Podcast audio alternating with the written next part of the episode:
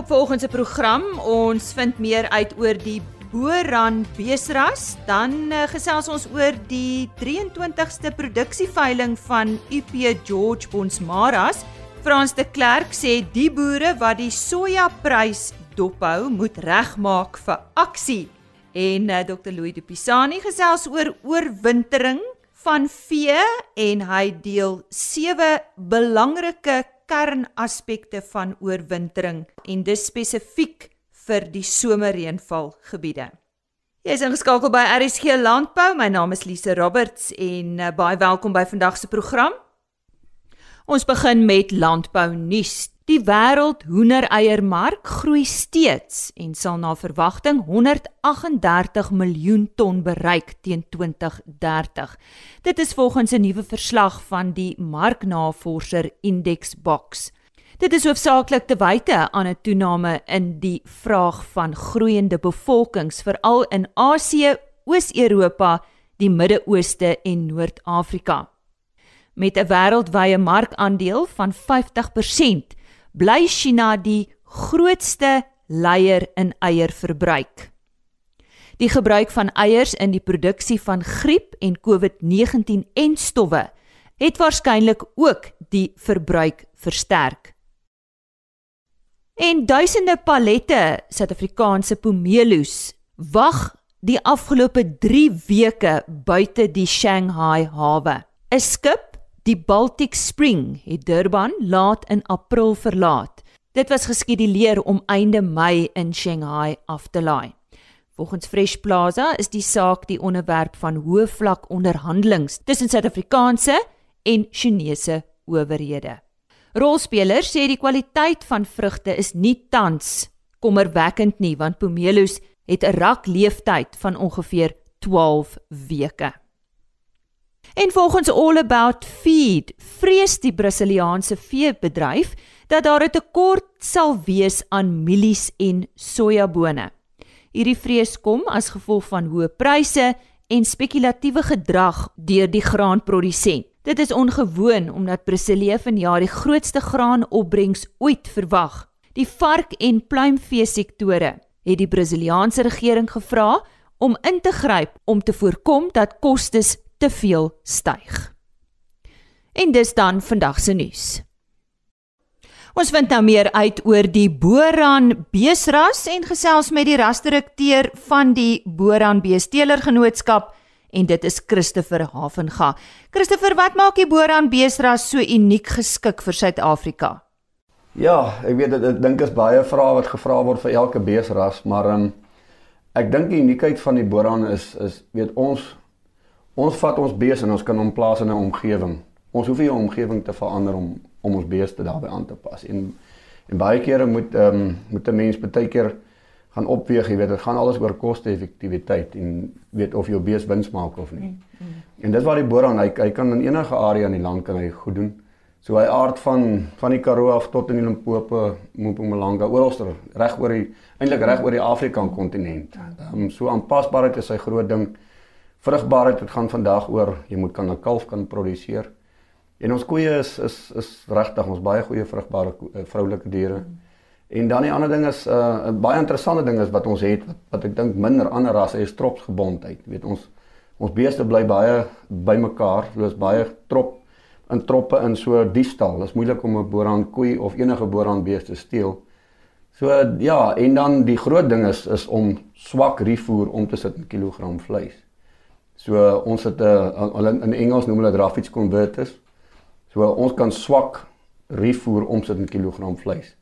En ek dink dit is 'n groot groot pluspunt vir ons ras want ons kan regtig ons kondisietelling die hele tyd goed hou. Nou dis 'n medium raam bees. So ja. watter eienskappe maak hom dan 'n gesogte 'n uh, 'n uh, vleisbeesras? Ja, ek dink um, ons weet ons het daar's bietjie variasie in in in in ons ras en is by enige ras is dit goed om variasies te hê want dan kan jy bietjie rondspeel in jou ras. So ons het bietjie groter raamdiere, medium.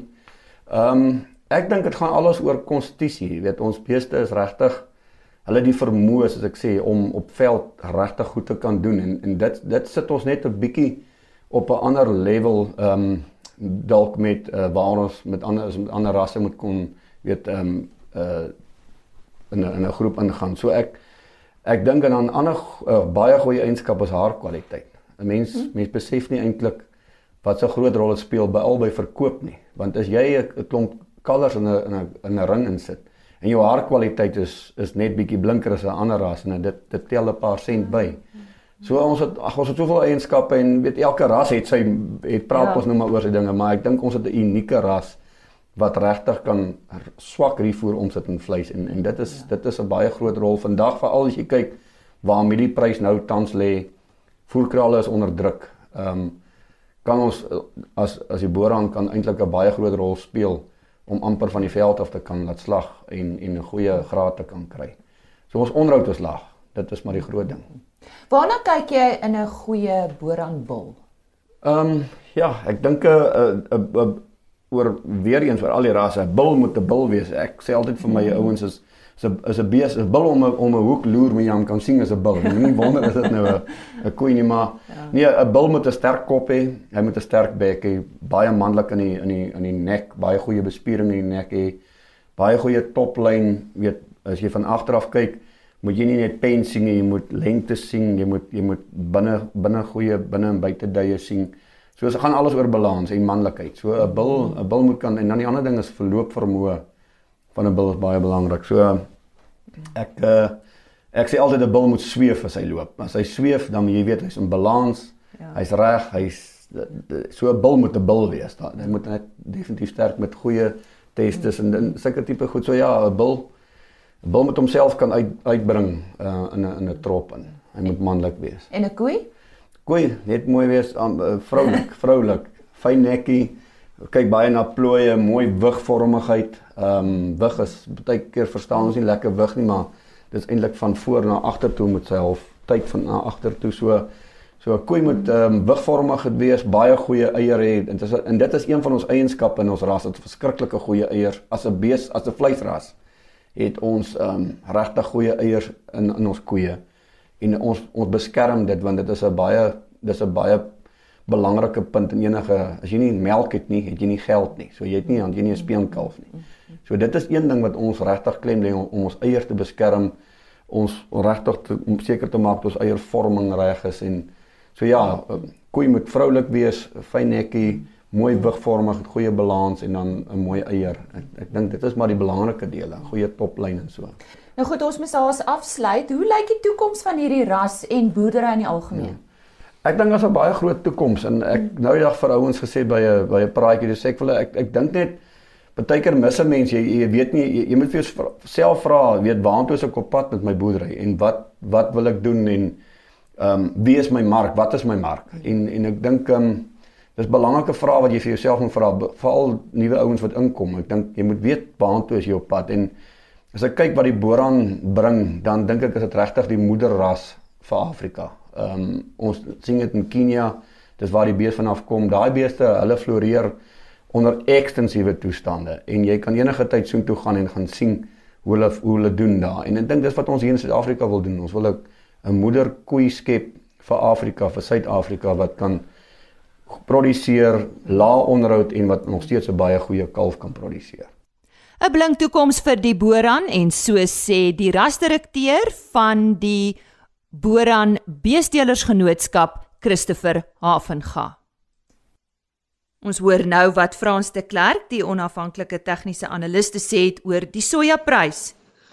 Hallo Lize, dit is weer so lekker om te praat oor 'n uh, sagte kommoditeit en vandag wil ek graag 'n bietjie praat oor die sojaprys. Ek gaan nou kyk na die nabye kontrak want dis iets baie interessants wat in hierdie uh, kontrak besig is om te gebeur.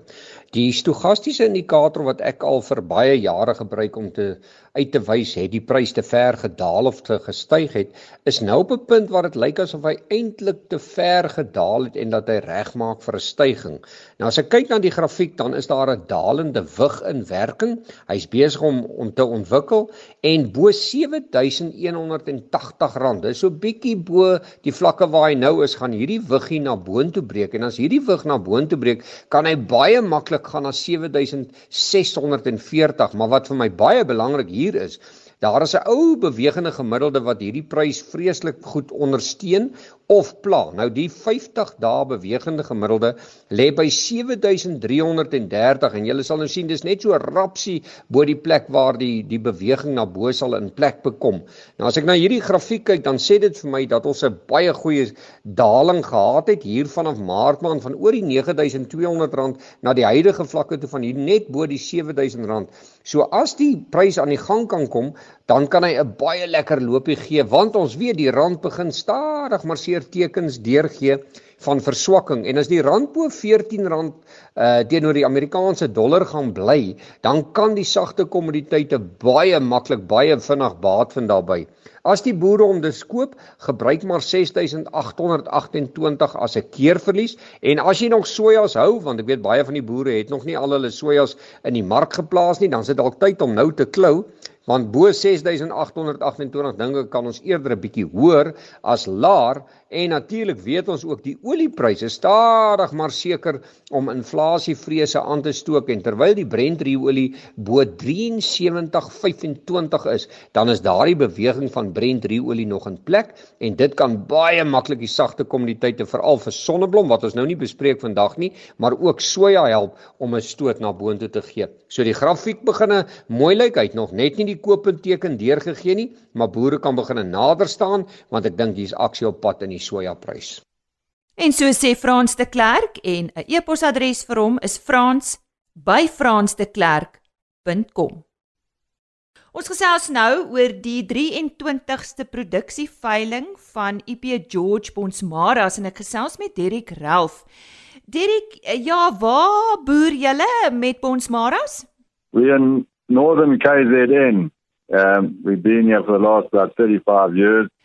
En julle boer nog altyd met Ponsmaras? Yeah, we've always, we, we, 35 years ago we started, we started some basic cows that we bought from the Rumavat uh, farm that they, used you know, the Rumavat licks, they, mm. they had a farm there and we bought that farm there and we bought the cattle that we used and they were very good quality, although they were old, we just mm. needed to get uh, that quality. And even if we just got one calf or two from those old cows, and that was the foundation of our herd today. Mm-hmm. En dis al die 23ste produksieveiling. Dit is nog al 'n prestasie. Ja, it, uh, it'll be our 23rd production sale on the farm, yeah. Mm. But prior to that, we'd always sell at the different sales, you know, there'd be Freyheit sales, Dundee sales, mm. uh, right down to Swartberg, you know, Lady You'd sell a couple of bulls at every sale. Mm. But then the, the the fashion changed, and there are no more those those sales there. There's mainly every every farmer usually has his own production sale, mm. and he, he sells his bulls there, which is a little bit easier. But everything done on the one day. Nou hierdie veiling is op 2 Julie. Vertel vir ons wat gebeur op daai dag?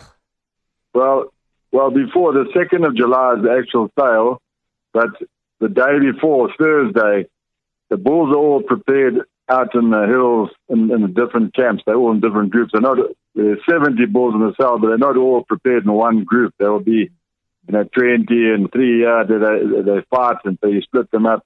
And so on the Thursday morning, we bring them down close to, to the to the the area where we're going to have the sale in front of the house, and uh, people can come and view them on the Thursday, which they do. They come all day, but usually from about two o'clock, the people arrive and uh, whoever wants to view them, they can look at them in the camp, they can look at them walking around, mm. they ask questions and see all that. Because one, once the next day on Friday, you have them in a small pen ready for the start, it's difficult to look at the bull, how he moves and all that. It's better when he's out in the camp and you can compare them. Mm. And then that evening we have, you know, we've got uh, dinner there and there's chicks that want to stay and there's accommodation close by. People, a lot of people have booked already. Mm. And then the next day, the second Friday, the second of July, we have the sale which starts at 11 a.m.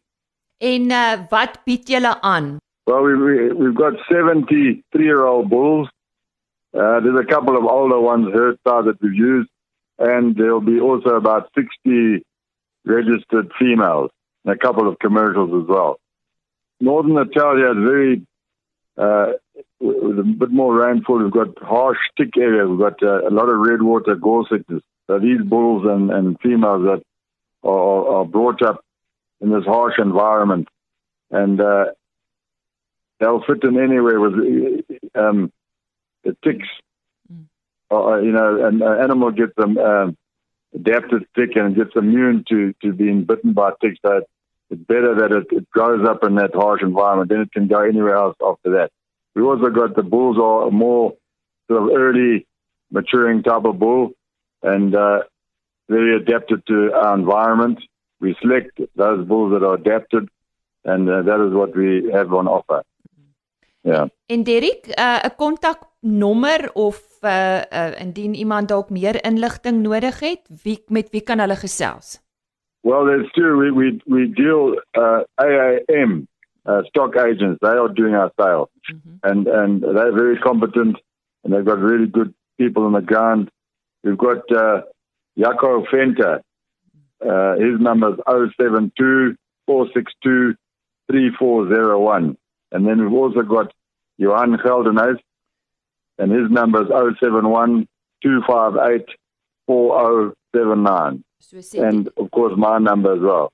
Right, I'll give that one. Dit is dan Derek Ralph. Hy het gesels oor hulle 23ste produksieveiling van Bonsmaras wat op die 2de Julie plaasvind, maar soos hy sê, die diere is reeds beskikbaar om na te kyk op die 1ste Julie en Derek Ralph se nommer is 071 687 8995. Oorwintering in ons somerreënvalgebiede is ons volgende onderwerp van bespreking. En ons gesels met Dr. Louis de Pisani. Hy is 'n onafhanklike landboukonsultant. Louis, ehm um, is dit nie bietjie laat om oor oorwintering te gesels nie? Lise, ja, weet jy, dis amper 'n dis amper soos 'n muntstuk met twee kante. Uh aan die een kant is dit te laat. Ons is nou midde in die winter. Uh aan die ander kant is ons dalk 'n uh, bietjie vroeg, maar maar maar dalk is ons tyd net reg. Uh jy weet uh om vir oorwin om te oorwinter behoorlik te oorwinter moet 'n mens vroegtydig daarvoor beplan. So in daai opsig is dit te laat, maar maar dit is ook tydig om nou met boere te gesels wat dalk hulle vingers gebrand het wat nie vroegtydig uh hulle planne agter mekaar gekry het nie om dan nou seker te maak dat hulle volgende jaar hulle planne agter mekaar het. Hmm. So watter maande is krities vir veeboere in hierdie gebiede? Kyk, die die kritieke tye, die ou boere het gepraat van die maarmaak maande en die doodmaak maande. Dit hang natuurlik ook af of jy soetveld of suurgrasveld het. Uh maar die maar die tipies die maarmaak maande is hier so Julie, Augustus wanneer dit verskriklik koud is. Uh en dan die doodmaak maande het die ou boere gepraat van September, Oktober, jy weet, dan dan is baie ouens uh se goeie voer op. Hulle sit net met swak voer uh en baie keer kalfkoeie of uh, oeye lam daai tyd. Uh so dis eintlik die maande wat ter sprake is. Nou jy praat vandag kortliks oor sewe kernaspekte van oorwintering. Waarop gaan jy fokus? Ek wil graag fokus uh op watse voerbronne is beskikbaar vir oorwintering want jy weet party ouens het lande ander ouens het nie lande nie party het besproeiing sommige het nie besproeiing nie party ouens het uh uh het mieliereste so ek ek ek wil so 'n algemene oorsig gee uh om vir die boere dan net daarop te wys dat oorwintering of die bronne van oorwintering is is redelik wyd en dat uh daar groot uh, uh aantal bronne is waarop hulle kan terugval Goed Louis, eh, kom ons begin met veld as bron van winterweiding. Kyk, ek ek vermoed dat die meeste ouens uh jy weet die die grootste voerbron wat hulle op die plaas het is waarskynlik hulle veld. Baie keer dink mense dat veldweiding nie 'n goeie bron van oorwintering is nie, maar maar dis nie heeltemal korrek nie.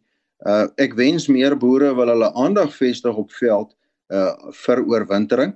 In die soetveldgebiede is dit eintlik relatief maklik. Uh daaroor winter die ouens op uh veld wat hulle dwars deur die groei seisoen gespaar het. Uh soetveld is juis veld wat hulle smaaklikheid behou in die winter en ook hulle goeie kwaliteit en net met 'n met 'n ekstra lek uh eintlik vir 'n mens baie goeie oorwintering gee. In die suurgrasgebiede is dit so bietjie anders. Ja, wat wat dan van suurgrasveld? Kyk in die suurgrasveld kan jy nie net sonder meer op die opgespaarde weiding uh oorwinter nie want jou probleem juis met die suurgrasveld is dat uh die grasse sodra dit geryp het, hulle kwaliteit omtrent volledig ver, verloor. Uh en en daarom is dit nodig in die suurgrasveldgebiede uh om te brand. Uh en en in die verlede het boere gebrand uh sonder om hulle veld te rus. Uh en en die en die nuutste navorsing wys vir ons dat uh dis nie aan te beveel nie. Dit dra by tot die agteruitgang van daai veld. Uh die nuutste wel dis almal 'n paar jaar gelede is 'n navorsing wat in die suurgrasvelde gedoen is, wys vir ons dat uh dit is ideaal dat jy jou veld 'n hele somer rus en dan in die winter brand. Nou uh 'n ander fout wat baie boere doen is hulle brand die veld en dan wag hulle tot hy heeltemal herstel het en hoog uitgegroei het en dan wil hulle hom vreet. Dis te laat. Dan het jy alweer 'n uh, veld wat baie onsmaaklik is. Die ideaal is rus hom die hele uh uh, uh somerseisoen, laat hy goed uitgroei. Dan voordat jy hom brand, daar's goeie uh weidingsmateriaal wat dan daar in daai uh, doodgerypte veld is, vreet dit eers weg en dan brand jy net die die swak uh, uh, uh, smaaklose materiaal brand jy en dan so gou as moontlik nadat dit uitgeloop het, moet jy dit begin vreet en dan kry jy eintlik baie baie goeie resultate uh, op suurgrasveld. Hm. Louis, Louis, wat se raad het jy oor hooi? Lisa, ons weet natuurlik dat dat hooi is is een van jou regtig duur bronne om te oorwinter vir die vir die eenvoudige rede dat jy moet hom sny en jy moet hom baal en jy moet hom opberg. Uh die die beste raad wat ek van hooi kan gee is om seker te maak dat jy goeie kwaliteit hooi maak. En goeie kwaliteit hooi hang natuurlik af van bemesting. Uh hulle moet goed bemest word veral met stikstofbemesting, maar ook uh, uh iets soos fosfaat. Uh dis baie belangrik uh, die die die sny stadium, jy moenie wag tot hy te uitgegroei is nie. 'n Mens moet hom sny as hy net net net begin blom. En dan natuurlik die derde een is waarskynlik die heel belangrikste is die gewas wat jy plant. Uh want sekere gewasse is net inherënt minder smaaklik as ander gewasse. En as ek 'n keuse het oor 'n hooi gewas, sal ek waarskynlik kyk uh, na rapeelgewasse want ons weet hulle is baie smaaklik, hoë kwaliteit en hulle maak ongelooflike goeie hooi. So as jy losering kan hooi, dis ideaal. As jy nie losering kan hooi nie, dan moet jy begin kyk na grasse wat uh, baie produktief is maar wat ook baie smaaklik is en wat goed bemes is.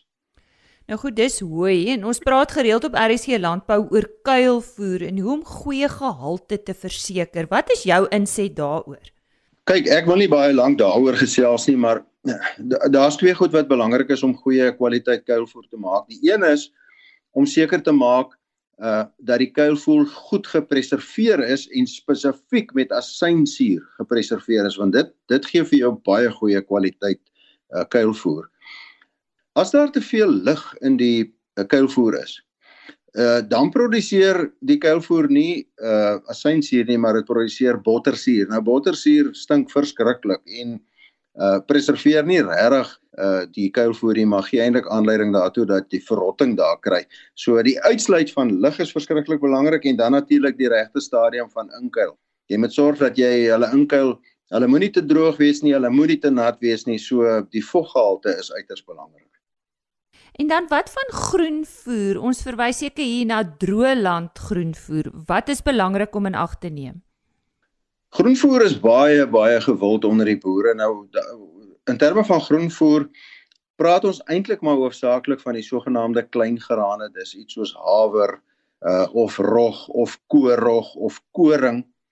Uh nou die grootste probleem met groenvoer is die wisselvalligheid daarvan. Een jaar uh as jy uh, baie vog het, het jy fantastiese voer. Volgende 2, 3 jaar plant jy dit, hulle kom op uh en dan het jy geen voer daarna nie as gevolg van 'n vogtekort. So onder droëlandse toestande is die vog in die grond ongelooflik belangrik. En en my advies aan boere is kies jou beste en diepste grond waar jy kan vogbewaring toepas voordat jy uh die groenvoer vestig Die duimreël is dat jy so 100 mm water in die grond reeds moet hê met uh, planttyd. So so dis dis die een ad, stukkie advies wat ek vir die boere kan gee. Deesdae plant die veral die boere in die graangebiede. 'n Plant hulle die sogenaamde dekgewasse. Nou nou die tipe dekgewasse wat ons deesdae kry is fantasties. Baie beter as 20, 30 jaar gelede. En daar's 'n groot verskeidenheid van hulle. Daar's grasse, uh, daar's peulplante, So die boere kan gerus begin kyk na hierdie mengsels wat die wat die boere as dekgewasse plant. En dan die laaste ene uh, Lisa en dis dis 'n baie belangrike ene by groenvoer. Is jy moet seker maak dat die tipe groenvoer wat jy plant in terme van sy groei seisoen dat dit aanpas by wanneer jy die voer nodig het. Want mense kry veral onder die klein grane, kry jy drie tipes. Jy kry 'n sogenaamde kortseisoen groeier. Nou, hy sal begin blom hier in Julie maand en dan sal hy uh, sal sy produksie afneem. Uh jy kry medium seisoen groeiers wat hier so in Augustus maand blom en dan sal sy produksie vinnig begin afneem en dan kry jy jou sogenaamde langseisoen groeiers wat hier September, Oktober blom en dan daai tyd van die jaar vir jou goeie voer gee. Nou baie boere plant 'n mengsel van kortseisoen, medium seisoen en langseisoen, maar maak seker dat jy een plant wat vir jou kos gee wanneer jy die kos nodig het. As ons nou praat van oesreste, waarteen moet ons waak want ek weet daar is 'n paar baie lang belangrike aspekte wat ons hier in ag moet neem. Ja, ek dink die grootste en die belangrikste by oesreste, ons kry voedingsstoornisse by die diere. Daar's veral een wat 'n baie groot rol speel en dis die sogenaamde suurpens. Uh en en dit gebeur wanneer diere op uh op gestroopte graan loop maar waar daar nog baie graanpitte op die grond lê. Hulle is nie gewoond daaraan nie en dan oorvreet hulle hulle aan hierdie graan wat baie hoog in stysel is en dan kry hulle sogenaamd uh, suurpens. Die ander ene wat ons veral kry by wolskape is breekwol. Nou breekwol is nie noodwendig gekoppel aan swak voeding nie. Uh maar dis ook 'n as gevolg van 'n voedings voedingsstoornis en dikwels as 'n gevolg uh van 'n tekort aan proteïen uh en minerale. Uh en vir al die wolskaapboere kan gerus uh uh, uh met hulle uh, agente gesels uh om vir hulle 'n goeie lek te gee wanneer die diere op uh op uh, voerreste wy om te verhoed dat hulle 'n breek in die wol kry. Hallo en nou moet ons dan nog praat oor lucerne en saad. So watter voordele uh, hou lucerne in? Kyk, Lise, wat uh mense sal sê maar hoe oorwinter ek op lucering want gewoonlik die lucerings wat die ouens aanplant om te bewy is dormant in die winter. Uh maar ek het 'n baie lekker wenk vir die boere. Uh hulle kan so die uh ek veral droëland lucering, hulle kan die laaste snysel of dalk die laaste so twee snysels kan hulle net so op die land los as staande hooi. En dan wag hulle tot hy goed dood te geryp is. Want daai doodgerypte lucering is 'n fantastiese bron van oorwintering. Hulle hoef nie bang te wees vir skuimopblaas uh, of blousuurvergiftiging nie. Dis oor en oor bewys deur boere in die Karoo wat dit uh, gebruik dat sodra die lucering goed dood uh, doodgeryp is, hulle geen van hierdie uh, uh, probleme vir 'n mens gee nie. As ons praat oor saad, dan is my laaste wenk aan die boere, moenie moenie ongesertifiseerde saad koop nie. Uh 'n uh, mens kan baie probleme kry met onkruid wat in die saad is want daai saad is uh, is nie waarskynlik nie skoon gemaak nie. Uh dit kan goed soos dodder bevat wat vir 'n mens groot probleme kan gee. Jy het nie inligting oor die kiemkragtigheid van daai saad nie, so jy weet nie eintlik hoeveel saad om per hektaar te plant nie. En dan die laaste ene is is dat uh jy weet die seisoen van produksie. Ek het nou nog gepraat oor die kortseisoen, medium seisoen en langseisoen groeiers dit is waarskynlik ook nie uh, beskikbaar nie. Uh jy, jy weet jy kan dalk 'n klompie uh, saad by 'n boer koop, maar maar uh, hy kan nie waarborg uh, watter seisoen dit gaan produseer nie. So dit bly maar goeie praktyk uh om gesertifiseerde saad te gebruik. En so sê Dr. Louis de Pisani, hy is 'n onafhanklike landbou konsultant en net weer sy e-posadres is ldupisani@gmail.com www.rsg.com.